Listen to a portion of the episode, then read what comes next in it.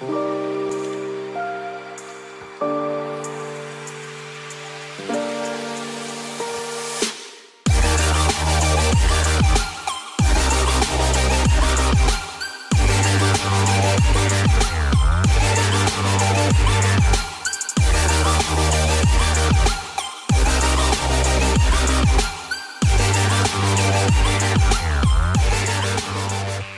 säkerhet är viktigt, inte bara för dig själv utan även för din familj. Barn och kanske föräldrar och så. Men sitter du på rätt sätt och eh, sitter fastspänd bra så blir du snabbare på banan helt enkelt. Ja, ja men det, är- det är nog någonting som inte folk tänker på. Nej, det är man genar där. Man tänker inte alls på det utan man, Man, man tjänar varvtid på att sitta, sitta på rätt sätt liksom. Ja men det var ju som första gången man köpte någonting till en racerbil. Då köpte man en stol. Mm. Men man hade ingen koll på hur stor den skulle vara i storlek, bredd, hur den skulle fungera. Nej, Utan man köpte den för att den var frän. precis så är det. En frän stol. Mm. Ja, men det är, vi, har, det är väl ganska många av oss tror jag som har börjat det är som man börjar bygga bil, då bygger man oftast motor först. Ja, jo, men det är en klassiker. Mm. Ser man. Det, så gjorde jag med. Det, det har vi nog gjort allihop här nere tror jag. Mm. Första man gör är trimma skiten. Mm. Så är det ju. Ja. Så, Eh, så jag jobbar egentligen med bakänden av det hela. De flesta tänker ju sist på personlig säkerhet. Mm. De lägger inte ens in det i budget. Eller så var det förr kan jag säga. Man la inte ens in Mm. det i budgeten att Nej, man precis. behöver ha skyddsutrustning. Utan Nej, det blev en besvärlig, ja, jättebesvärlig utgift blev det. Ja. Men nu idag så tycker jag att i de flesta serier som vi har idag, som vi jobbar med, så lägger man in det ganska tidigt. För man vet att det kan vara en relativt stor utgift. Ja, det är det ju. Det kostar ju pengar, det har vi märkt. Ja, men det är ju så. Ska du ha en bra stol som passar dig rätt och du sitter fast ordentligt, eh, då måste man betala för det. Det är som Mm. att du köper kassadäck. Ja, det är klart du har däck, men de kommer inte att tillföra så mycket till din körning. Nej. Köper du bra däck, då får du betala kanske 3, 4, 5 tusen spänn per däck. Mm. Men eh, det känns på ett annat sätt också. Ja, så går det fortare. Mm. Bra förord. Eh, JP Simpson kallas det vanligast fall, eller bland, bland folk. Ja, bland normalt folk så kallas det som med Fantomen ungefär. JP, alla känner mig som Alla känner JP på Simpson. Ja, Ja. ja. ja. Och då diskuterar vi lite säkerhet här då ihop med, med racing och eh, även time attack såklart som är en del av det. Mm. Men jag tänker att vi börjar väl där då, som du sa här alldeles nyss. Det här med, eh, med bromspunkterna. För att det här med hur, hur säkerhet fungerar, det, det, de flesta som lyssnar känner säkert till det. Vi kommer ju såklart gå in på lite senare. Men jag tyckte att det där var ett väldigt intressant spår, för det är ju ett spår som inte som jag inte tänkte på och som jag tror att de flesta andra inte heller tänker på. Ja, det är så att eh, om man tänker sig, det, är- det här är ju biomekanik och logik egentligen, sunt förnuft. Om du åker 100 km i timmen och har bestämt dig en bromspunkt och du klappar på bromsen där så kommer du inte känna inbromsning förrän kroppen stramas åt i bältena. Om du har bälten som är en meter lösa om man säger så, så kommer kroppen att slungas fram en meter och först då känner du att bilen börjar bromsa. Mm. Alltså så måste du börja bromsa tidigare för att känna inbromsningen på 100 meter. Just det, för att du ska hänga i bältet vid bromspunkten. Exakt. Mm. Och det är därför det är så otroligt viktigt i banracing att sitta tight. Och då börjar man alltid med det starkaste benet du har i kroppen där du tar bort 70% av energin i en krasch, det är höften. Mm. Du måste sitta fast i höften på rätt sätt. Låser fast höften ordentligt och så sen tar vi bältet över axlarna och eh, sen bältet i grenen. Det är den liksom distributionen av energi, den ordningen det. Och bästa sättet att se om man sitter fast ordentligt i, eh, i, nere vid höften det är att när du har spänt fast dig och du tycker att du sitter fast, känn på bältet som går ut genom stolen och ner till chassits infästningspunkt. Om du känner att det bältet är spänt, då sitter du fast. Om det rör sig, vilket gör alltså i 95% av fallen, Mm. då sitter man inte fast. Och då kommer höften att röra sig 50, 60, 70, kanske 100 mm framåt i stolen. Ja. Och då glider du dessutom ner samtidigt och kommer närmare gas och broms. Ja. Och det är sådana små detaljer som gör sån stor skillnad. Se till att du sitter fast ordentligt, att du har en stol som har rätt storlek också så du inte glider runt och halkar runt och så. Då blir man snabbare eftersom du kan bromsa senare. Där har vi uttrycket sitta stillstol. Mm. Mm. Ja, men just det här med, med, med eh, höftbältet tror jag nog att eh, det är nog så det ser ut lite överallt. Mm. Jag vet att eh, för länge sedan, jag vet inte om det var när du, du jag vet att du har sagt det eller om det var... Vi pratade om det någon gång i alla fall, det här med, med Monster Truck när de har ratchbälten. Mm. Varför har inte alla det? Ja, det är ju bekymmersamt. Det finns något som heter ratchetbälten där man har alltså en, en crewmember eller en, en tekniker som står utanför bilen med ett spärrskaft och spänner åt bältet Mm. med ett vrev. Ungefär som när man spänner fast, eh, ja, spänner fast bilarna med, Ja, med ett precis, med spännband. spännband, liksom. Ja, det är exakt samma teknik. Och det är ju som så nu när vi kör trackdays, då är det många gånger vi själv, eller det kan vara bråttom till att man ska ja, komma iväg och så. Precis. Så det man behöver, rent generellt kan man väl säga när det gäller bälten då, det är att eh, enligt min uppfattning som då säljer bälten, så att jag kan säga det att idag, ett bälte som är billigare än 3-4 tusen kronor, det är inga bra bälten. Så illa är det. Mm. För att man kan inte spänna fast dem ordentligt. Det är så dåliga lås, dålig låsmekanism och väven som man använder, alltså polyester man använder i bältena, blir så grov. Så att du har inte en chans att få fast dem ordentligt. Och det ser man när man går upp. Jag jobbar ju med många VRC-team och Le Mans-team och så. Och då ser man det att när man går upp i kvalitet på bältet, det är så jäkla enkelt att spänna fast sig. Du tar bara det och så drar du liksom bara zipp, det är som smör. En varm kniv i ett paket smör. Det är så. Mm. Zipp på båda sidorna, så andra sidan zipp. Sitter du fast. Och du behöver inte hålla på efterspänna eller någonting. Du bara, fop, du sitter. Så titta när man köper bälten, vilket vi bara behöver göra vart femte år. Mm. Köp ett bra set bälten. Det är fel grej att snåla på. Fel grej att snåla på tycker Ja. jag. Det är som att köpa, ja, tre bra däck och ett dåligt däck. det blir lite dumt. Ja, det blir det. Ja, nej, men det är, det, det, den aspekten så, såklart man vill ha, sitta säkert vid en krasch och sådär. va. Det tror jag de flesta tänker. eh, Och, och, eh, men det är inte så ofta man kraschar. Det är inte Men så sen- ofta man kraschar, men om du kraschar så vill du ju hellre åka hem till familjen Ja, än att de kommer till dig på på intensiven eller på sjukhuset Ja. med brutet bäcken eller rygg eller någonting Ja, sånt. precis. Jo, men just det här med också man, med att man kan, faktiskt kan köra fortare. Om man Mm. sitter fast, det tror jag inte någon tänker Mm. på egentligen. Men det krävs också då, det är, ju- det är ju bältena vi har pratat om nu, men det krävs också då stol med rätt, eh, eh, som är gjord för din anatomi. Mm. För om man tänker sig så här att eh, om jag är 1,80 och du är 1,80 så kan du ha en 70 cm lång rygg och jag har en 80 cm lång rygg. Ja, det är ungefär så det är i verkligheten. Ja. Vi har jättekort rygg. Ja, precis. Jag såg det. Ja. Men det som jag vill säga med det är att eh, eh, man kan inte köpa, om du går in på en, hos en handlare som säljer racingstolar och den personen säger att ja, hur lång är du? Jag är 1,80. Mm. Ja, då ska du ha den stolen. Precis, för Då så är det är varningsflaggan direkt. Ja. För att det funkar inte så. Du måste du måste provsitta. provsitta. Ja. Och det är väl det vanligaste vi ser efter att Nu, bält, nu är det ju bälteshålen vi pratar om nu. mm, bälteshål över Ja, axlarna. Ja. Det är det vanligaste vi ser eh, problematiken idag. Eller näst vanligt. Bälten, att man använder bälten fel är en sak. Eller inte spänna åt dem då. Mm. Och nästa är att man köper för stor eller för liten stol. Alltså bälteshålen ska, axlarna ska ligga i princip i centrum utav hålen Mm. som ligger bakom axlarna. Det, det är så det ska vara. Bältet får aldrig rida på nederkant eller överkant utav hålet. Nej, precis. Mm. För då blir det dumt. Mm. Och sen ska det vara rätt bredd så att när du sätter dig i stolen ska du sitta fast. Ja.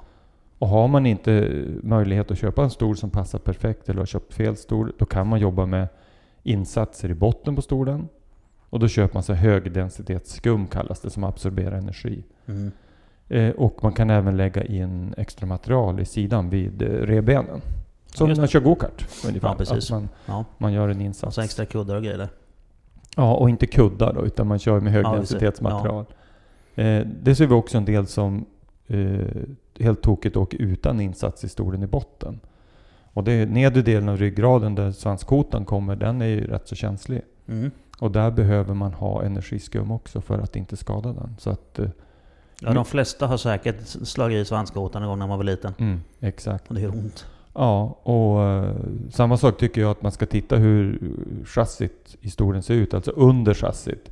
Så att inte originalbilen, att det sticker upp bultar där under eller att man har några Ja, just det. infästningspunkter. Som kan penetrera upp igenom glasfiben där. Jaj- Jajamän, det har vi sett att eh, dels går en del glasfiber och kordfiberstolar sönder i en krasch. Mm. Och eh, har man då bultar eller ja, någonting där under som kan gå upp i ryggen på en, då, då kan det göra det. Det Ja, har vi det också. dåligt. Jag har, jag har alltså kunder som har blivit förlamade på grund av det. Att de har kraschat så våldsamt att de har bottnat i, med rumpan rakt genom stolen. Mm. Så att, eh, samma sak också med stolar, att köp dem helst inte begagnat för du vet inte vad stolen har varit ut för. Nej, precis. Man kan bara köpa dem begagnat tycker jag, om det är en sån här stol som man kan klä av. Så att du Ja, ser strukturen ja. på den. Man ser att det inte är några skador någonstans. Mm. Ja, Mm. Ja det, är- det, det är rätt mycket att tänka på, men när det gäller den personliga säkerheten så är det ju, det är ju fel grej att snåla på. Så enkelt är det ju.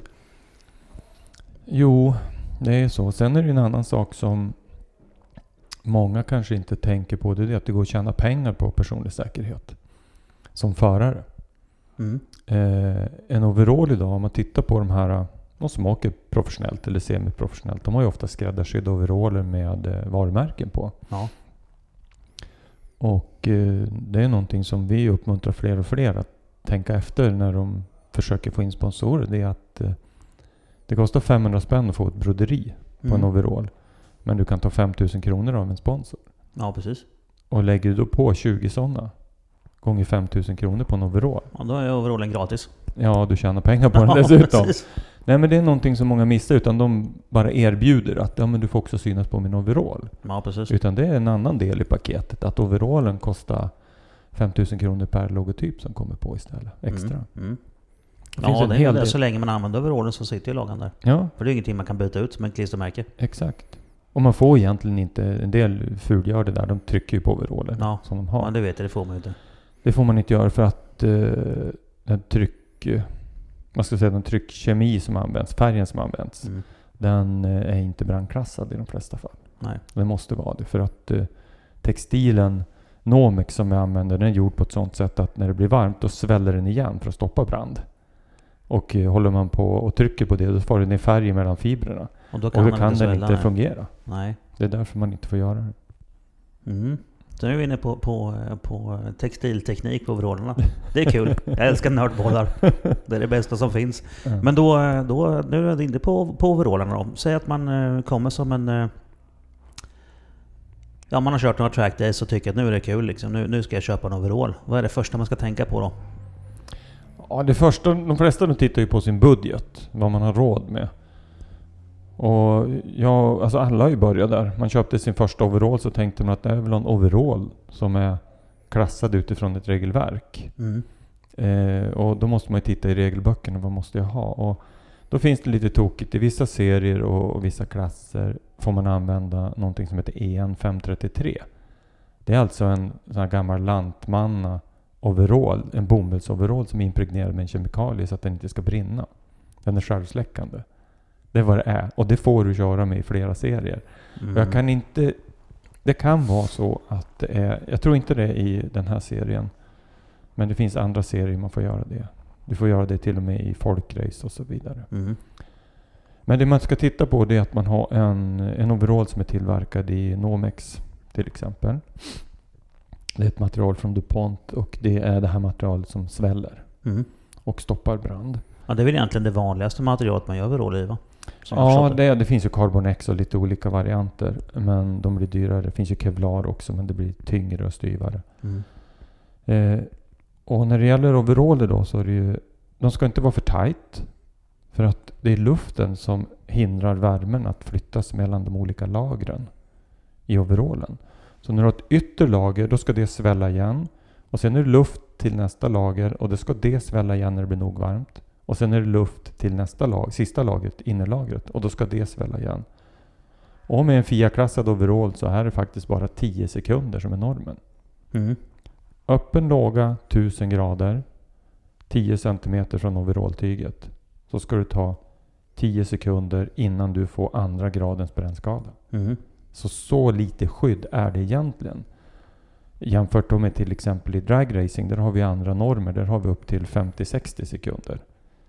Ska man klara sig i en dragracingbil där man har nitro, metanol och så Ja. vidare.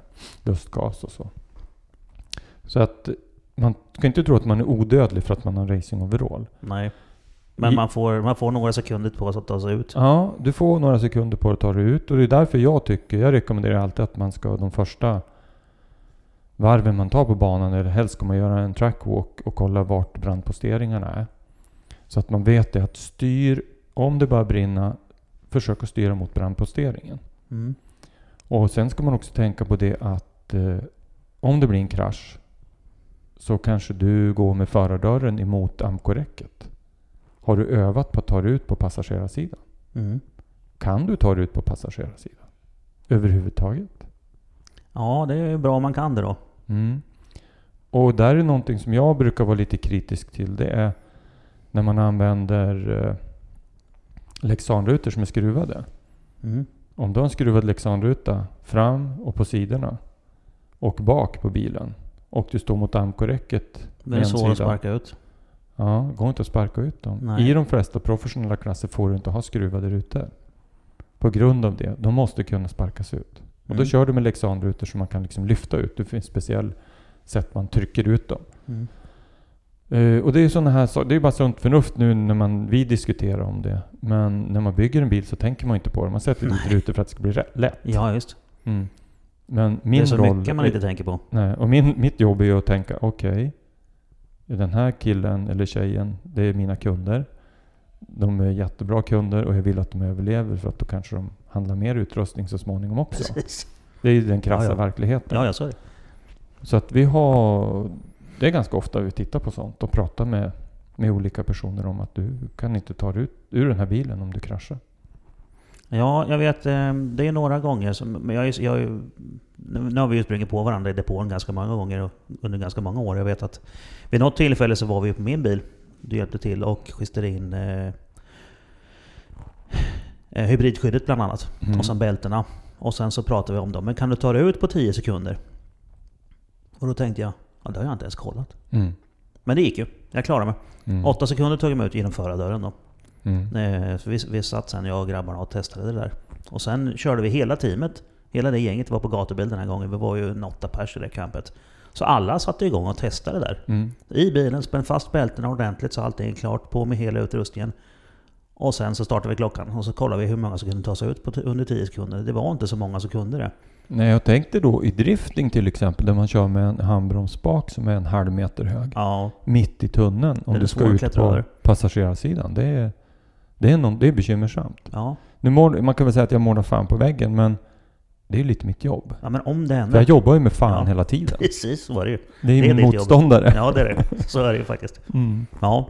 Nej men det, det jag tror att, att eh, de som lyssnar på det här får kanske ett litet uppvaknande också. Mm. För hur många har egentligen testat att ta sig ut? Det är ju i alla professionella serier måste du göra det. Ja, det finns, ja men Mm. det finns det ju tester du måste göra Ja. för att få komma Ja. ut och köra. Liksom. Och det är Men- väl en gång per år va? Eller? Ja, sen så är det Oftast. så att i, i många serier också så att för att få licens Mm. måste du bevisa att du kan ta dig ur under en viss tid. Mm. Evakuera. Vi, har till, vi jobbar väldigt mycket med Formel 1-båtar och så, alltså båtracing också. Ja. Och där gör man ju turtle test, alltså man sänker ner cockpiten under vattnet och bevisar att man kan ta sig ut. Ja. Så att det, det finns eh, olika varianter utav det här med tester kring hur man som person beter sig i en paniksituation. Jag tycker att när man håller på med bil så ska man egentligen tejpa för visiret också. För kupén kan vara rökfylld. ja, det kan det. Ja, och det, Ja. det har vi ju sett massvis med filmer på. Ja, ja, det, det, liksom, det börjar Ja, ja. brinna och innan du hinner ta 10 sekunder, 20 sekunder att stanna. Ja, Bilen just är absolut tid. smockfull med rök. Ja. Det, det Och- händer. Mm, så att, eh, Jag har eldat min bil en gång också nere på Knutstorp. mm, Men jag hade ju släcksystem i så, att, så det drog, jag ju direkt. Så det, blev- det var ju, men det var, det var ju ändå rökfyllt. Det var ju vit rök i hela bilen. mm, ja, Från skummet. ja det, det är besvärligt. Ja, det, det, det är ingenting man tänker på i Mm. vanliga fall heller. Så det är ju, kan vi uppmana folk att när ni sitter i depån på kvällarna och, och umgås och tar en bärs. Ta på alla grejerna. Testa och ta er ur bilen. Och när Ja. det är klart så testa och gör det utan att se något. Mm, gör en tävling. Ja, Utmana varandra. precis. Nej men det, det är en sån här viktig sak. Så att man säger stol, bälten tycker jag är viktigt oavsett vilken motorsport man håller på med. Eller bilsport man håller på med. Mm. naturligtvis. Sen någonting som jag tycker att eh, det har varit mycket missförstånd kring det är ju burstoppning. Det är ju så att eh, DVC, om man råkar ut för eh, våld mot hjärnan om man säger så. Det är det det är när man Mm. använder en hjälm för att minimera våldet mot hjärnan. Mm. Mot blöta hjärnan, alltså in, inne i skallbenet. Och det vi ser där är att eh, vi skulle egentligen behöva större hjälmar med mer stoppning. Jaha, större Mer- ytterdiameter alltså? Mer, ja, större ytterdiameter för Mm. att absorbera energi. För att när man slår i, om du går 150 km i timmen sidledes och bilen slår i muren, då fortsätter huvudet i 150 km i timmen in i stålröret i, i huvudbågen. Ja, och hjärnan åker också 150 och sen fortsätter hjärnan in i skallbenet i 150 km i timmen. Ja. Och då får man kanske inte en omedelbar eh, händelse i den sida man slår i, utan är då när hjärnan studsar tillbaka till motsatt sida. ja. Då har det bildats ett hårdrum där. Då får den energin i det. Det finns ingen vätska som tar upp då. Nej, just det. Och då, när den går tillbaka, då får man en blödning på hjärnan. Hjärnblödning. Mhm. Och det är därför vi använder burstoppning idag. För att den är ju ganska hård som de flesta har känt. Och Ja. tyck, många tycker, vad fan, här funkar inte. Den är så hård, man kan slå ihjäl sig på Men den. 150 km timmen den är inte så hård. Exakt. Och dessutom är den mycket mjukare än ett stålrör. Ja. Ja. Det, det är så det är. ja. Så att det är alltså, stålröret är hårt, sen är det burstoppning, sen kommer hjälmen skard, sen kommer EPSen i hjälmen, sen kommer inredningen, alltså tyget i hjälmen, sen kommer skallbenet och sen kommer vätskan runt hjärnan och sen kommer hjärnan. Mm. Det är det som är tanken. Så istället för att ha större hjälmar så har vi sagt det att vi måste få bort hjärnblödningarna som blir när man slår i. Mm. Och då jobbar man med burstoppning. Och då är det så här att om du sitter i bilen och tänker att jag behöver burstoppning där för att dit kan jag nå med hjälmen eller där för dit kan jag nå med hjälmen. Det är inte så det är tänkt.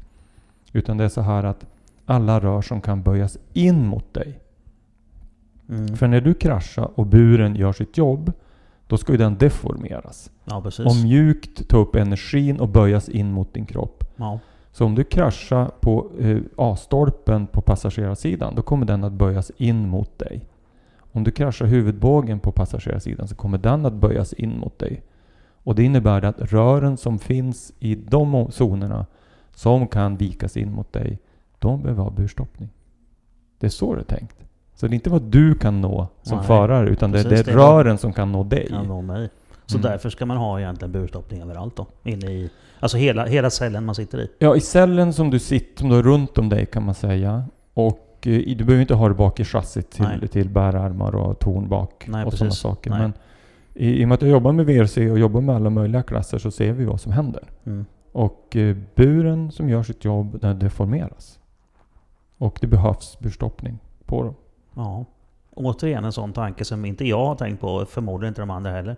Mm. Att buren faktiskt kan möta mig. Ja, det var, jag hade ett snack nu på eh, morgonen här jag hjälpte en, en förare. Och det var precis en sån, exakt samma reflektion. Ja men det har jag inte tänkt på att det är ju så det är. Ja. Just det. Det är inte vart jag kan fara utan det är vart som kan komma mot mig. Mhm. Det är så. Så att det behövs oftast eh, i, de här, alltså i en bil där man är förare och kartläsare eller förare och passagerare. Ja, så brukar man säga 6-7 meter burstoppning ja. behövs det. Och de flesta här kanske har en meter. ja, jag har inte någon. Nej, men man bör ha det i alla fall. Ja, jag, jag, jag, jag, jag har ju en bra sponsor på det här så jag får väl helt enkelt åka dit och hämta. Mm. Och tänk på det att det inte rörisolering Nej, nej, nej. om. nej nu utan nu det pratar vi riktiga burstoppning. Ja. Precis. Ja, förr i tiden var det ju godkänt med Armaflex, men det, det, det var ju jättekonstigt. För den, den kan du trycka sönder med tummen ju. ja, den är ju till för att skydda lacken på buren. Ja, eller behålla värmen i Ja, värmen i rören. Det är så. Ja, är jättekonstigt. Ja, det det, det, var ju, det var egentligen för att Bilsportförbundet inte förstod funktionen. Mm. Men nu kan man ju pedagogiskt förklara det att det är Ja, men nu är väl inte det tillåtet längre va? Eh, Jag vet inte. Jag ser det då i folkrace i alla Ja, fall. då är det klart. Men, Mm. för det finns ju... Det, jag har ju sett de här nya busstoppningarna. är ju... Den täcker ju halva röret och sen är Ja. den ju ett par centimeter tjock med, som man sätter fast dubbelhäftande tejp på där. Och, Ja, så brukar vi strappa det också. precis. Och sen om, om man tycker att den är stum och sådär, man kan bara värma den i ett värmeskåp, alltså i ett torkskåp. Mm. Eller med... Man ska böja den ja. Ja, då går Ja. den att böja och forma också. Och sen går den att såga och skära och Ja, så. precis. Ja, nej, men det är ju den, det är ju, det är den typen av stoppning som gäller. Det Mm. finns på de flesta. De flesta som säljer säkerhet måste ju ha sånt ju. Ja, vi levererar ju galet mycket runt hela Europa faktiskt, från, Ja. från oss då. Så att vi har väl ganska bra koll. Det finns från Alltså man har, om du har 15 mm rör upp till 50 mm. Mm. Olika steg av de där. Och dessutom så levererar vi till Kamaz, till truckteamen och till Volvos eh, de här höghastighetslastbilarna de har. Alltså racelastbilarna. Ja. Truckracingbilarna. Då är det 70 mm huvudbåge. ja, just det. Så att då specialtillverkar vi till dem också. Så det är rätt Fränt. så ballt. Vi har så mycket olika kunder. Alltså det är båtsport och det är truckracing och det är precis allt möjligt att jobba med. Ja, det är, det är snart så räddningstjänsten kommer köpa grejer av Simson också. Eh, vi säljer till militären också. Ja, ja det kan jag tänka mig.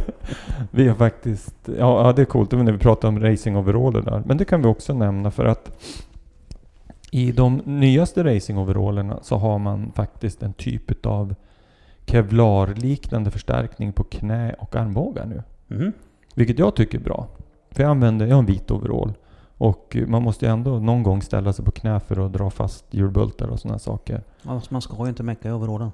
Nej, man ska inte göra det. Man ska inte, den ska inte vara skitig. Nej, Om man säger så. för då brinner den. Ja, och då, för då får du inga luftlager utan Nej, då och så, klibbar den är det olja i så blir det, som, blir Nomix-stråle som en veke istället. Ja, och det ser vi när det varit bränder för det mesta. Allvarliga bränder oftast i lite lägre serier, folk som har tävlat länge. Mm. Då ser man att de bränner sig mest på armbågar och på, ovanpå låren. Ja, det är för att där är de skitiga Ja. overallerna. Men det är svårt att göra en vit overall smutsig. Ja, Det märks. det är därför man ska ha en vit overall ja. Nej men de syns. har kevlarförstärkning Ja. numera på dem. Och det var, att jag kom in på det var för att det var bland annat vad vi gjorde till försvaret när vi gjorde skräddarsydda kläder till eh, helikopterdäck. De som jobbar på helikopterdäck. De behövde brandklassade kläder. För att det var så mycket pirater som kastade brandbomber på dem nere Ja. i Afrika. Ja. Så utvecklade vi en stor serie. Så att det finns skräddarsydda kläder kan man få. Vi har ju till räddningsteamen också. Mm. ja, men det vet jag. Det har vi Mm. sett. De har ju speciellt med kevlar och Ja. benfickor. Och Ja, grejer. om man tittar på F1 så har ju all depåpersonal har ju också eh, Mm. riktiga racekläder på sig. Ja. Men sen, det vi inte nämnde då, det är att eh, en FIA-klassad overall är ju egentligen inte godkänd utan underställ. Mm, Precis, Mm. det vet jag. Det har, jag har ju varit på ett, på ett par stycken av dina sådana här... Eh, eh, vad heter de? De här... Safety Academy. Ja, precis. Föreläsningarna. Ja, jag, tror jag tror att det var den första som de hade... För det hade jag ihop med Speedlab för många, många år sedan. Mm, I Var stan. inte den Jag första? och Alex. Ja, den Mm. var jag ju på. Mm. Eh, bland annat. Och sen har jag på, på, eh, på gatubil och sådär. Mm. Och där vet jag, du, du nämnde det redan på den tiden då, att det var också en tankeställare att, att overallen är gjord som ett system tillsammans med understället. Mm. Och balaklava och handskar och allting sånt där. Ja. Och det, jag menar, det är ju... Hur många gånger ser man inte folk gå i sin overall knuten runt midjan med bara överkropp? Eller en t-shirt. Mm. Det är väldigt få som använder understället. Ja, sen tycker jag det att, vad fan. Jag har gjort det varje gång sen jag var på det. Ja, men alltså underställen är mycket lättare att tvätta. Ja, Overallen blir bara äcklig om man ja. svettas i den hela tiden. Och, och man Ja, vill ju kanske man. inte tvätta den varenda gång heller. Nej. Utan man kanske tvättar den varannan gång istället. Mm. Men det är samma med balaklava i en hjälm tycker jag. Jag vill inte... Jag vill ha balaklava på mig. Jag vill ha den för att det skyddar öronen när man tar på sig hjälmen. Mycket enklare att ta på sig Ja, hjälmen. man viker inte öronen. Det Nej. gör ju skitont annars. Ja. Och eh, som vi oftast idag ser vi det att folk köper två par sockar och två balaklavor. Mm. Och en del köper två handskar. Ja. För att de mellan stinterna, det är så pass tight mellan stints när man kör time attack. Ja, ja. Man får ju köra hela tiden. Mm. Och jag åtminstone blir jävligt svettig när Ja, ja. jag tycker jag när jag kör. Så att då är det skönt att kunna byta om. Ja. Men just det med att, att det är ett system, det, det är också en sån där sak som jag tycker är bra och, eh, och trycka lite på. Mm. Att folk förstår att de, de här 10 sekunderna vi pratar om mot upp en låga, ja det är inklusive underställ. Mm. Exakt. Och, och ska man ha det som skyddar mer då måste man gå ifrån FIA-normen. Ja precis. Då måste man gå in i SFI-normen. Mm, det kommer jag också att prata om där, att Mm. SFI är betydligt hårdare. Ja, de har mycket... Ja, de har tänkt på ett annat sätt. Ja, FIA har satt ett maxnivå. ja, SFI har satt min nivå. Ja precis. Det är, egentligen väldigt intressant. Ja, det är det. Ja. Jo, jag vet eh, alla gånger som, som vi har diskuterat det här så har jag känt det att, men hur, hur tänker FIA egentligen? Det man märker att SFI har ett, ett helt annat säkerhetstänk. Mm. Och så i princip kan man säga, sitter det SFI-lappar på kläderna så kan man känna sig hyfsat säker i alla fall. FIA är såklart inte dåligt. Det var inte så Alltså- jag menar, men det, det, det, är lite, det är lite annorlunda krav i SFI. Ja, alltså SFI jobbar ju även med tekniska detaljer. De, Mm. de förstår ju hela processen. Ja precis, inte en enhet utan Nej. alltihopa tillsammans. Eh, och om man tänker sig ett FIA-klassat plagg. Det ska klara, vi säger det ska klara 10 sekunder. Det, är, de, det motsvarar nivå 2. Alltså andra säkerhetsnivån på SFI. Då har du tre eller fyra nivåer till på SFI. Mhm. Så du kan liksom gå upp och gå upp och gå upp och gå upp. Om du vet att du jobbar i en, vi säger de som åker Monster Trucks till exempel. Mm. Det är en helt galen sportgren. Ja. Och där det verkligen kan hända saker och de fastnar i bilen och så. Eh, där kan du, då åker man som ett SFI 20 på klassning på, underst, eller på kläder. Och då sitter du 50 sekunder. I Ja. 1000 grader, öppen låga. Alltså det brinner, det Det är eldar. helt sjukt. Ja. Vilka grejer. Och då är det skorna klarar det. Ja. Handskarna klarar det. Allting klarar det. Och där har man till och med luftsystem där vi skjuter in frisk luft från dykar, dykarluft, alltså Mm, torr mm. luft, in i hjälmen hela tiden. Mm. Så du andas ingenting av metanolen, du andas ingenting utav Ja, olika för det är ju inte bra, andas metanol. Det blir dåligt. Nej, det blir ju kass utav, men det blir även jävligt kass av att andas nitroavgaser Ja, jo precis. Om man tittar på Top Fuel Fy de här, de har ju alltid eh, masker på sig ju. Ja, det är galet. Mm. Ja, det slipper vi här i alla fall. Ja, och det här, här, Det är, här ju, är här är ju 85. metanol, eller etanol kan Etanol, man säga. Eh, Några kör med metanol också kanske, eller? Nej, det tror jag inte. Man kanske Nej. inte får det. Nej, det får vi inte. Nej, men, nej. Och sen, men det, det finns ju de som har eh, vatteninsprut. Mm. Och då får du ha 50% metanol, metanol max. Det är så ja, Ja. okej. ja. Men det, jag tror inte det är någon som just nu kör med det. Men det, står, det, det är tillåtet i reglerna då. Mm. Att du får ha 50-50 vatten metanolinsprut. Men du får inte köra med på metanol i tanken. Nej. Utan det är E85 eller eh, ja, racebränslen då Mm. såklart. Och sen, eller bensin som gäller. Men jag gillar den här serien för att jag tycker att eh, allihopa som är här är väldigt lyhörda och nyfikna på att dels bli snabbare men även att vara säkrare. Ja, det är ju, det är ju en, en, en lite annorlunda mentalitet just på Time Attack tycker jag. Jag tycker att det är otroligt. Det finns in, prestigen finns inte där. Utan man lyssnar, man pratar med varann och man lär sig hela tiden. Ja, det är ingen som är blyg för att fråga heller, Nej. verkar som. Så det, det är kul. Och det, jag tänkte, det var precis det jag tänkte också att vi skulle gå in på. Att när du tittar på, på, eh, på de här klasserna då. Och ser, för men du har ju sett folks bilar och ser hur folk tänker. Alltså i allmänhet i, i den här serien och så bland, bland oss. Hur, hur, är, hur tycker du säkerhetstänket är? Eh, det varierar ju mellan klasserna för att vi har ju instegsklassen är ju för att man ska kunna ta sin gatbil i Ja princip. precis, jo det är ju besiktade gatbilar på gatdäck. Komma hit och Heltäckande åka. bomullskläder ungefär. Ja. Och där finns det ju en, ett behov av kunskapsspridning kan man väl säga. Mm. Och det gäller ju kanske det här med att när man åker med trepunktsbälten så kan man, det finns ju nackskydd som fungerar. Mm. Alltså det är hybrid S Mm. som vi åker med trepunktsbälten i alla testbilar i hela världen i princip. Mm. Så du kan åka med en FIA-klassad hjälm och ha trepunktsbälte i bilen och ändå inte riskera att bryta nacken i en krasch. Och det är ju rätt smidigt. Mm. Det är någonting man kanske skulle ta och sprida ut Ja, folk. och sen kan man kanske lära dem också det här med att förspänna trepunktsbältet, att du rycker fast det. Mm. Och så när du ryckt fast det, då kör du fram stolen ett snäpp på el, eljusteringen framåt. Då låser du höften. Precis. Och då sitter du fast på ett annat sätt. Ja. Och då bromsar du på ett annat sätt. Ja, precis. Precis som med racingbälten. Ja. Eh, och, så det tycker jag väl. Och sen så är det ju så att något mer än så kan man nästan inte göra när man åker med gatbilar. Nej. Det jag ser som kan vara lite bekymmersamt tycker jag, det är att jag ser gatbilar utrustade med racingstolar och sexpunktsbälte Mm. i vissa klasser. Och man åker inte med nackskydd. Nej. Men det innebär att du har alltså en airbag-ratt i bilen. Du sitter fast med sexpunktsbälte över axlarna. Så kroppen kan inte rotera fram mot ratten och airbagen kan inte nå ditt huvud. Nej. Och det är ju ett jätteproblem för att då bryter du nacken. Ja, det blir dåligt. Mm. Airbagen är där för att du ska fungera, alltså att den ska ta upp ditt huvud. Ja. Men det förutsätter att du åker med trepunktsbälte. ja, precis. För det är inte gjort för det. Nej. Det är systemet. Så, så fort man sätter sitt fordon med sexpunktsbälten och använder det, sexpunktsbältet, då ska man åka med nackskydd och en FIA-klassad hjälm. Ja. Det, är- alltså, Punkt slut. det är bara punkt slut. Ja. Det finns inget undantag där. Här, är, här är en punkt som jag hade tänkt vi skulle komma in på faktiskt. Som jag lärde mig för många, många år sedan. Jag eh, gatreggade ju en bil som ombytt fordon genom Mm. SFRO.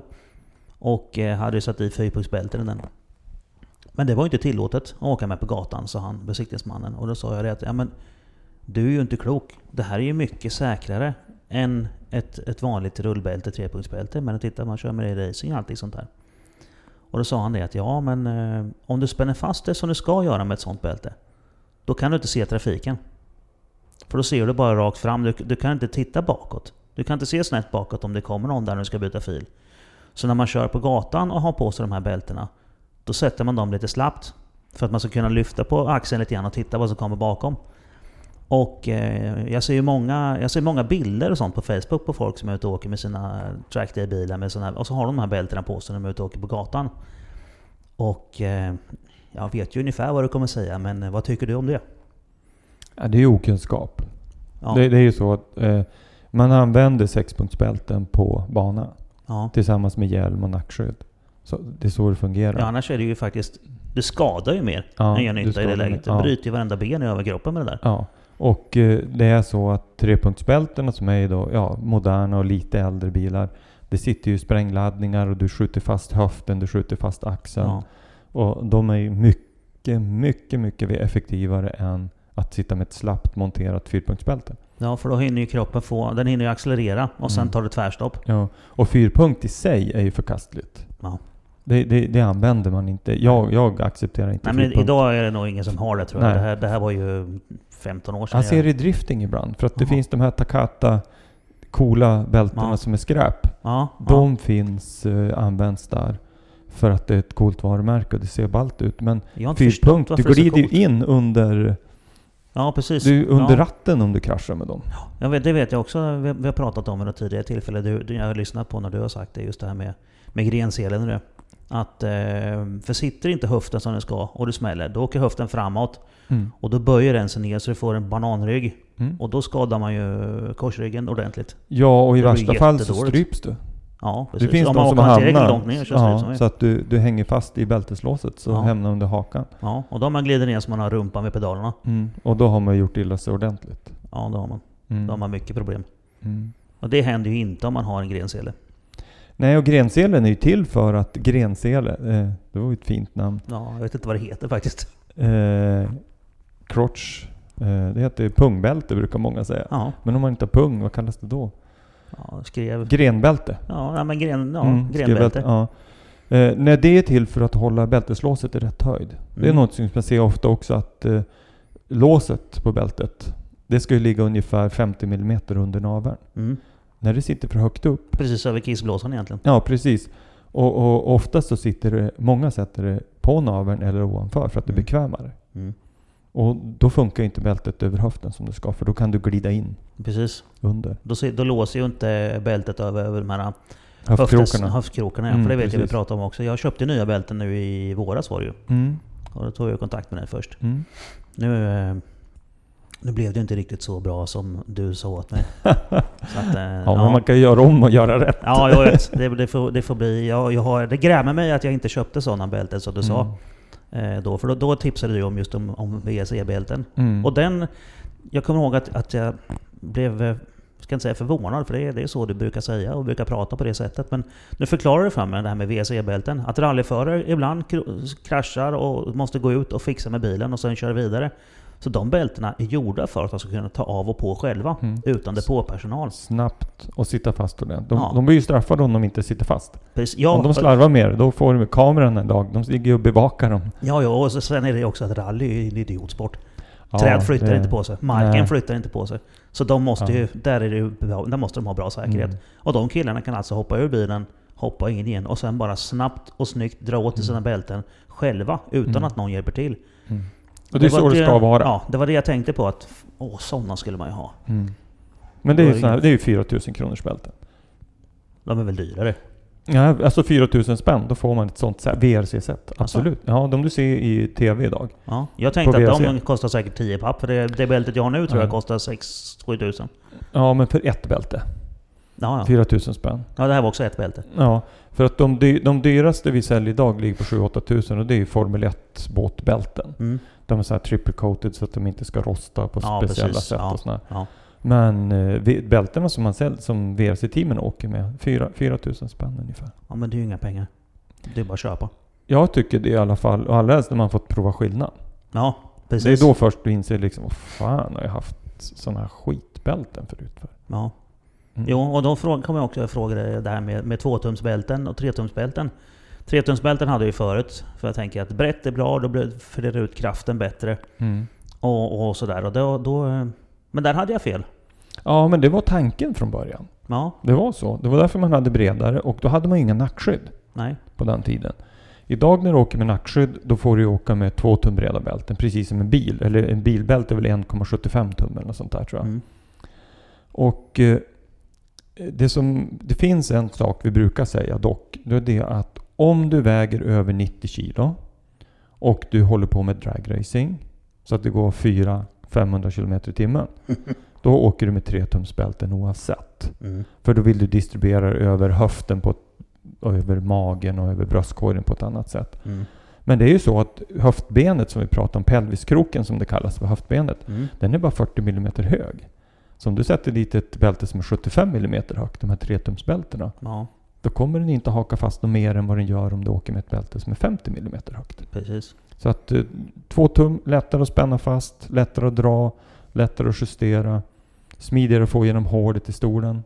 Ja, det är bara positivt. Mm, bara positivt. Ja. Så att, eh, det var ett märkligt råd tyckte jag, men när du har förklarat det, då förstår man ju vad, vad poängen med det är. Mm. Det är jo. ingenting man har bara hittat på, utan det är faktiskt bättre. Mm. Jo. Det är också någonting som, som de som lyssnar kan ta till sig. Mm. Och, och, jag tycker själv, jag åker med två tum och tre tum. Det beror på vilken av bilarna man tar. Men två tum föredrar jag absolut. Mm. Ja, jag köpte ju två tums nu och det, det är som du säger, det är mycket lättare att dra åt det. Mm. Det är där jag märkte den största skillnaden. Mm. Det beror också på vilken väv du har i bältet. Ja. Det finns ju grovvävda och finvävda. Och, och det finns med de här Dynamat-väven som är superlätt som man använder i Formel 1. Men då måste du ha en påklädare så att den inte väcker sig. Ja. Det finns massvis med... Ja men det går inte när man är själv. Det funkar inte i Time Attack. Nej. För vi är ju rätt mycket småteam här. Men OMP säljer dem i, i handeln också. Den ja. väven. Mm. Och jag tycker att den är kass för att den, den Eh, om du tänker att du tar ja, nylon och sträcker ut nylon, den blir skitsmal. Ja. Det är så den, den klarar hållfastheten men den blir jättesmal alltså. Om du inte lägger den exakt rätt. Ja men det, det, det behöver vara idiotsäkert för oss normala människor. Ja, det ska vara enkelt. Ja. Det är som med loggsystem. Vi håller ju på med loggsystem också. Det är en del som jag anser vara en del av säkerheten också i förarutveckling och, och så. Och där har vi alla provat olika loggsystem där man tar mobiltelefon och GPS-puck och man laddar ner en programvara och man försöker att synka ihop allting. Där tycker jag också att det ska vara idiotsäkert, att det ska vara bara att trycka på en knapp. Mm. Och så sen ska loggen köra igång och så sen när du kommer på hotellet då kan du tanka ner datat i laptopen och så sitter du och analyserar. Mm. Det ska vara idiotsäkert där ja, också. Precis. Ja, det är smidigt. Mm. Ja, Ja, vi får se vart... vart eh, det här med loggningen är ju, det är ett, ett, ett riktigt kul eh, avsnitt också. Tänker det kan vi göra en helt egen podd om sen. Ja, det går absolut att göra. Och jag eh, har alltid varit intresserad av att bli bättre. Men för min del så tycker jag att... Eh, och det är för samtliga som jag känner som kör. De säger det att utan logger och utan analys så är det svårt att utvecklas. Mm. Ja, så är det. Det är feedback. Mm. Så är det Så det, det är, Jag tycker det är oerhört värdefullt. Och dessutom då som på vinterkvällar kan man sitta och gå igenom hur man har kört och vad man har gjort. Och börja mappa liksom till nästa säsong i huvudet mm. vad man ska ändra på. Ja, och sånt är trevligt. Förbereda sig. Ja, det, är svårt, det är svårt att få feedback på säkerhetsutrustningen utan att krascha. Ja, det är så det är med våra kunder. De, våra kunder, de absolut nöjdaste kunderna är de som har kraschat och klarat ja. sig bra. Ja, jag kommer ihåg då när Jimmy Olofsson voltade med sin bil. Mm. Och det var ju ett riktigt bra... Alltså när han då är, är Simpsons-sponsrad och så gör han den, den vrålkraschen. Klotningen. Ja, och så går han ut och så vinkar han till publiken och säger ja det gick bra det där. Det är ju bästa reklamen. Jo. Just nu så jobbar jag, jobbar ju med olika VRC-team. Och eh, Taka hade en jävla krasch i Belgien förra helgen. Takamoto, alltså Toyota. Mm. Och nu håller vi på att jobba med dem. De hade lite problem efteråt. Taka gjorde illa sig, men hans nya kartländare, irländaren där, han sträckte nacken ordentligt. Så, och, så att vi jobbar alltså på, på den nivån. Mm. Att sätta, ja, försöka få det att fungera för VRC-team och alla, alla möjliga. De, eh, så där har vi lite bryderier just nu hur vi ska göra och jag tror att de, det är en ny kartläsare som sattes i, de, de bilarna homologeras med två stolar. Ja. Och är det någon, någon som är för liten så kommer bältesgeometrin att bli fel. Ja. Så jävla illa är det. alltså. Så han, de, fick inte, de får inte byta det sen? Jag vet inte. Ja, de har inte bytt vet jag. Nej okej. Jag Så han satt i en stol som inte, som inte var anpassad för honom och kanske inte stämde då? Jag vet inte. Men det är det vanligaste. Jag säger inte att det har hänt i det här fallet. Utifrån eh, det jag vet så eh, har han gjort illa sig i alla fall. Ja, jo, vi ska Mm. inte hålla på och eh, Mm. spekulera i vem som gjorde vad och sådär. Mm. Men det, det är Men ju... Vi försöker bara vi lösa här- problemet. Ja, vi är ju här att, att man måste ha grejer som är, som är gjorda Mm. för en själv. Jo. Och det finns ju så många varianter av allt idag. Och det är som det här med hybridskydd eller Hans-skydd. Hans är ett, ett skydd som kom för 40 år sedan. Ja. Som det utvecklas. Hybridskydden är ganska ny då. Och Men- den hybridskydden, alltså när man tittar på den så känns den smartare eftersom den tar upp sidokrafter på ett annat sätt också. Ja, den tar inte bara sidokrafter utan den är så jävla skön på kroppen. Man tänker inte Ja. att man har på sig det. Ett hansskydd ligger ju mot nyckelben och bröstkorg Mm. och så. Men för vissa så fungerar ju handskyddet bättre. Ja. För att de har en anatomi där... Alltså kroppen är gjord på ett sånt sätt att handskyddet sitter helt enkelt bättre på dem. Då får man prova helt enkelt vilken man ska ha. Ja, det Men Hansskydd måste du ha öronstol ju. Ja, du måste ju inte. Det finns inget tvång. Nej, men det känns ju Men inte du bör rätt. ha Ja, det. precis. Mm, så är det. För går man in med sidan i så måste någonting ta upp kraften tycker man ju istället för Mm. buren då, burstoppningen. Mm. Men oavsett vilket nackskydd man har så är det jätteviktigt med bältesgeometri. Mm. Du måste, har du inte bältesgeometrin rätt så kommer inte ett hybridskydd och inte ett eh, hansskydd att kunna göra sitt jobb på ett bra sätt. Men om vi, om vi försöker avrunda det här till någonting, någonting snyggt här nu då. Säg att man är en, eh, en eh, nybörjare nu då säger vi. Som ska börja köra i klubb. Det första man gör. Vad gör man? Nu ska vi liksom, nu ska vi kitta upp en kille här nu. Vi börjar med riktiga skor och riktig overall måste man ju ha.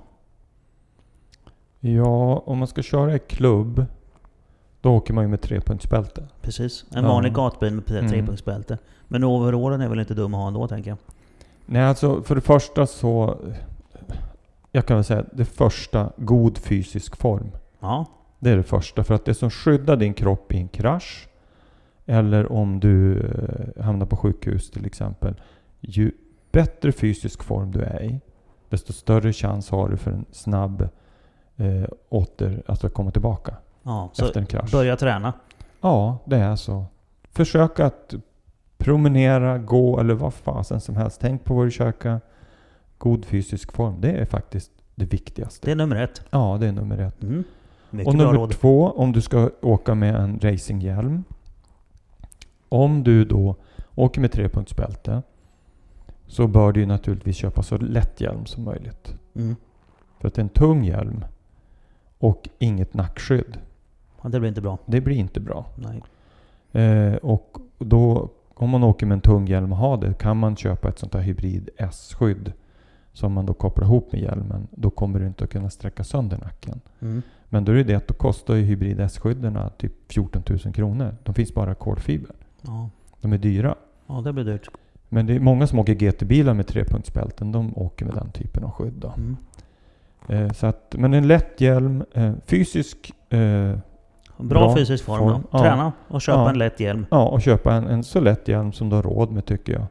Det ett. Bra handskar, det är en skön känsla. Idag kör man ju med, om du har alcantara eller skinnratt eller vad du har, så kör med handskar som har, eh, vad heter det, det här Ja, det Silikon. gummi, Ja. Silikon. Ja, på insidan. Ja, det funkar bra. Och sen eh, racingskor som har, om man tittar på bra racingskor så har de som en rundad sula i bakkant. Ja, precis. Så hälen ligger bra mot golvet. Ja, du ska inte köra med, många tar ju sina eh, sneakers eller sina Ja. träningsdojor och det är ju så att de är ju i syntetmaterial. De smälter ju på två sekunder de är övertända. Ja, Eh, men vad ont. dessutom så blir det fel geometri mot gas och broms. precis. För härden är byggd ut som en kil. Ja. De ska tvärtom vara rundade urtagen. Mm. Härden då. ja, för det är någonting man, när man tittar på en racingsko så ser man att sulan går hela vägen upp förbi hälen. Mm, upp på baksidan. Och Mm. det är ju, då får man dessutom lite grepp.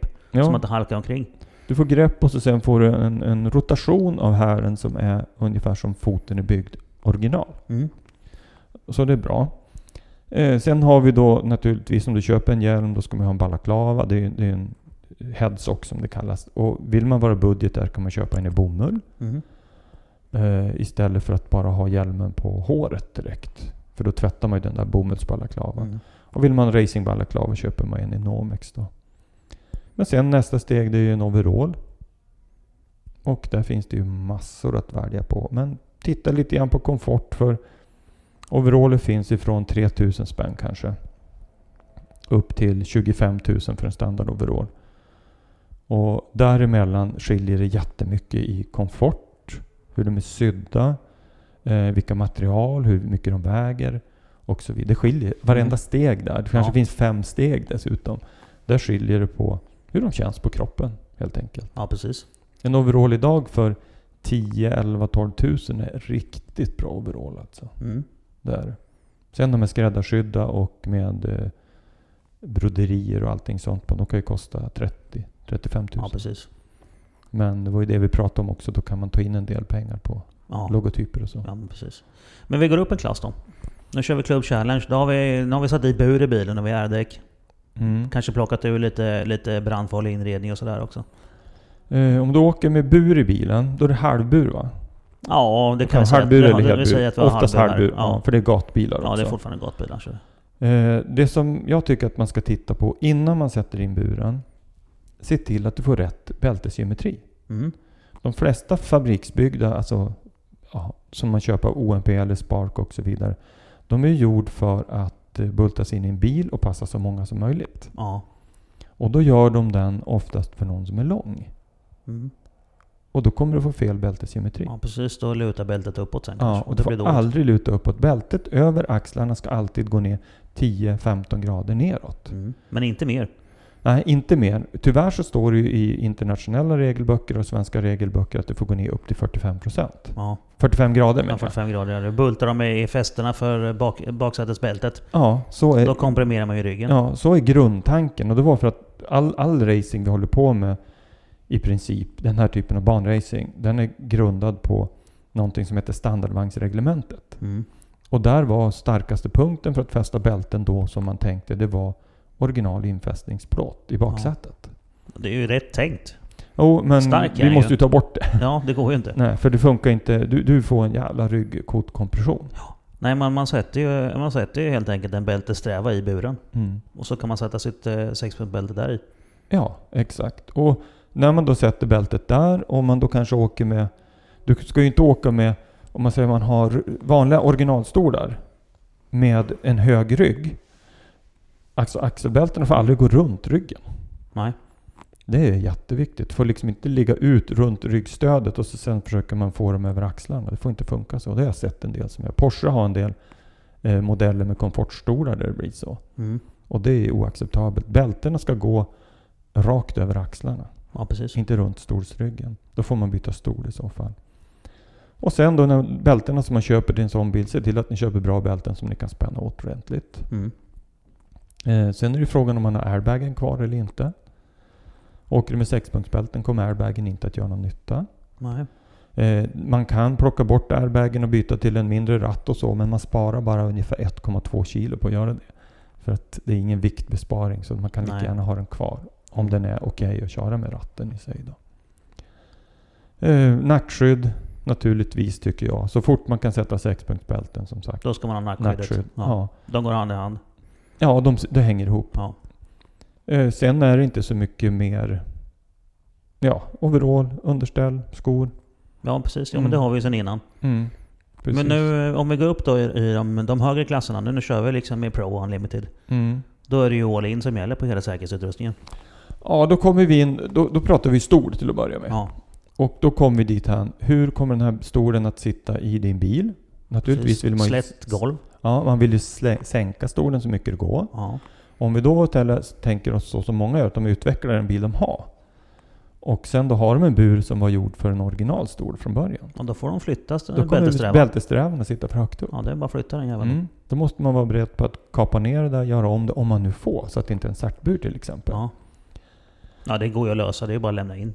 Jo, eh, så att det måste man göra i tid. Och eh, då har man sänkt den, man plockar ju bort ratt och sådana saker. Och då, om man kör snap-off-fästen och sådana grejer så måste man ju se till att det inte är någonting från Wish utan det är... Nej, Riktiga kör prylar. inte skit. Nej. Ett, ett snap-off-fäste ska inte glappa, det ska inte... Alltså det, det ska vara solitt. Mm. Eh, och... Eh, ja, det är väl det som händer då när man kommer upp i de värre klasserna. Stol, helst med öron tycker jag. Mm. Öronstol, och det är alltså de här skydden som är bredvid huvudet då. Eh, de ska ju helst vara inte uppåt, utan de ska ju följa huvudets rörelse. Om man tänker sig att man sitter och så sen så börjar man böjer fram bröstkorgen framåt. Då ser man ju liksom att den här, de ska vara lite nedåtvinklade de där. Så att då kan Ja. du se över dem. Mm. Det är viktigt. Det finns storstillverkare som gör de där som går uppåt. Och det är helt obegripligt för att Och då... för då ser man ingenting. Ja, du ser ingenting. Dessutom kan fastna, huvudet fastna under dem. Ja, det, blir, Insidokrasch. det blir nog jättedåligt. Ja, och det har hänt. Då kan man klämma sig. Ja. Eh, Ja. Så då är det det och då när man går upp och, och utvecklas vidare så bör man kanske fundera på det här jag sa med Lexanrutor, skruvade rutor och sådana saker. Ja, precis. För räddningen kan inte, om du har stål, alltså vanliga plåtdörrar och Lexanrutor, då kan inte räddningen bryta sig in heller. Nej. Och du tar inte ut. Om du har glasfiber, kolfiberdörrar kan man ju oftast bryta sönder dörrar. Ja, just. Det är bara att sparka men, sönder men det där är ett eh, bekymmer faktiskt. Tänk på rutorna och se till att du inte har massa piggar under stolen. Mm. Sätt stolen ordentligt. Ja. Och sen tänk på bältessträvan. Ja, så kan man ju titta rent generellt. En originalbil, där har du ju komfortytor nere vid ben och armar och sånt där. Du slår inte i. Men så fort man börjar eh, lätta Ja. bilen ta bort skyddsmaterial och så, då måste man också flytta på de här eh, plåtbläcken som är för att sätta fast originalpaneler och så. För annars Mm. så punkterar du kanske en stor blodåder i låret Ja. när du slår i. Och, och sådana Just saker. Se till att du inte har massa vassa fästen och sånt runt Mm. benen. Det ska bort. Ben och armar. Ja. Upp i tak och överallt. Överallt. För armarna far överallt i en krasch. Ja, det kan tänka mig att de vevar omkring rätt Mm. duktigt. In under instrumentbrädan också. Där har vi folk som har slagit av sig ben bara på grund av att det sitter någon plåt eller att det sitter ett stag där under som inte behövs sitta där ens. Eh, sen tycker jag det att man redan från första nivå, om man säger när man börjar åker, Mm. ska titta på att eh, bli bekant med att logga vad man gör. Ja. Log, loggdata alltså. Du kan använda din kamera, en GPS, eller din telefon, en GPS-puck och sådär, en mjukvara eller köpa någon enklare logger. För att det är, jag tycker att belöningen är där när du får, det känns inte bara bra utan du får bevis på att det var bra också. ja, precis. Eller vart man, man ser, fan jag kan kapa en sekund om jag kör så där och så, så där och så där. Då får jag ihop det på ett mycket bättre sätt. Mm. Ja, det är väl klart man ska. Ja, nu har vi kört i eh, nästan en timme och eh, har fått lära oss en himla massa.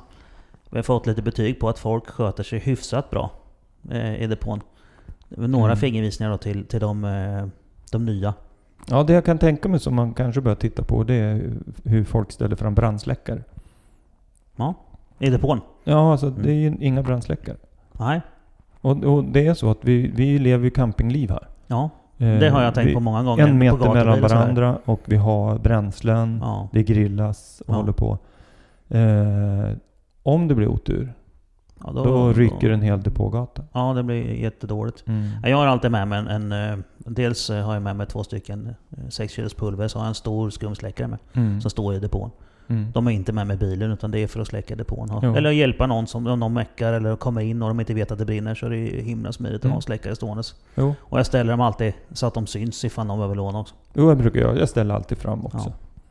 Ja. Har jag är inte gjort det idag i och för sig. Ja, jag har inte hunnit än för jag, Det regnar. Nej, jag har knappt fått ut bilen ur släpet än. Så, så är det. Nej, men det, det är väl också en, en eh, bra grej att skicka med. Tänk på, Mm. på säkerheten i depån med. Och det är inte ens egen säkerhet då kanske, utan det är våra, men allmän allas, säkerhet. Ja, allas säkerhet. Ja, vi Mm. vill inte att det ska börja brinna här för det blir dåligt. Mm. Ja. Nej, men då säger vi tack för de orden och så eh, går vi ut och kör lite. Mm. Tack. Tack.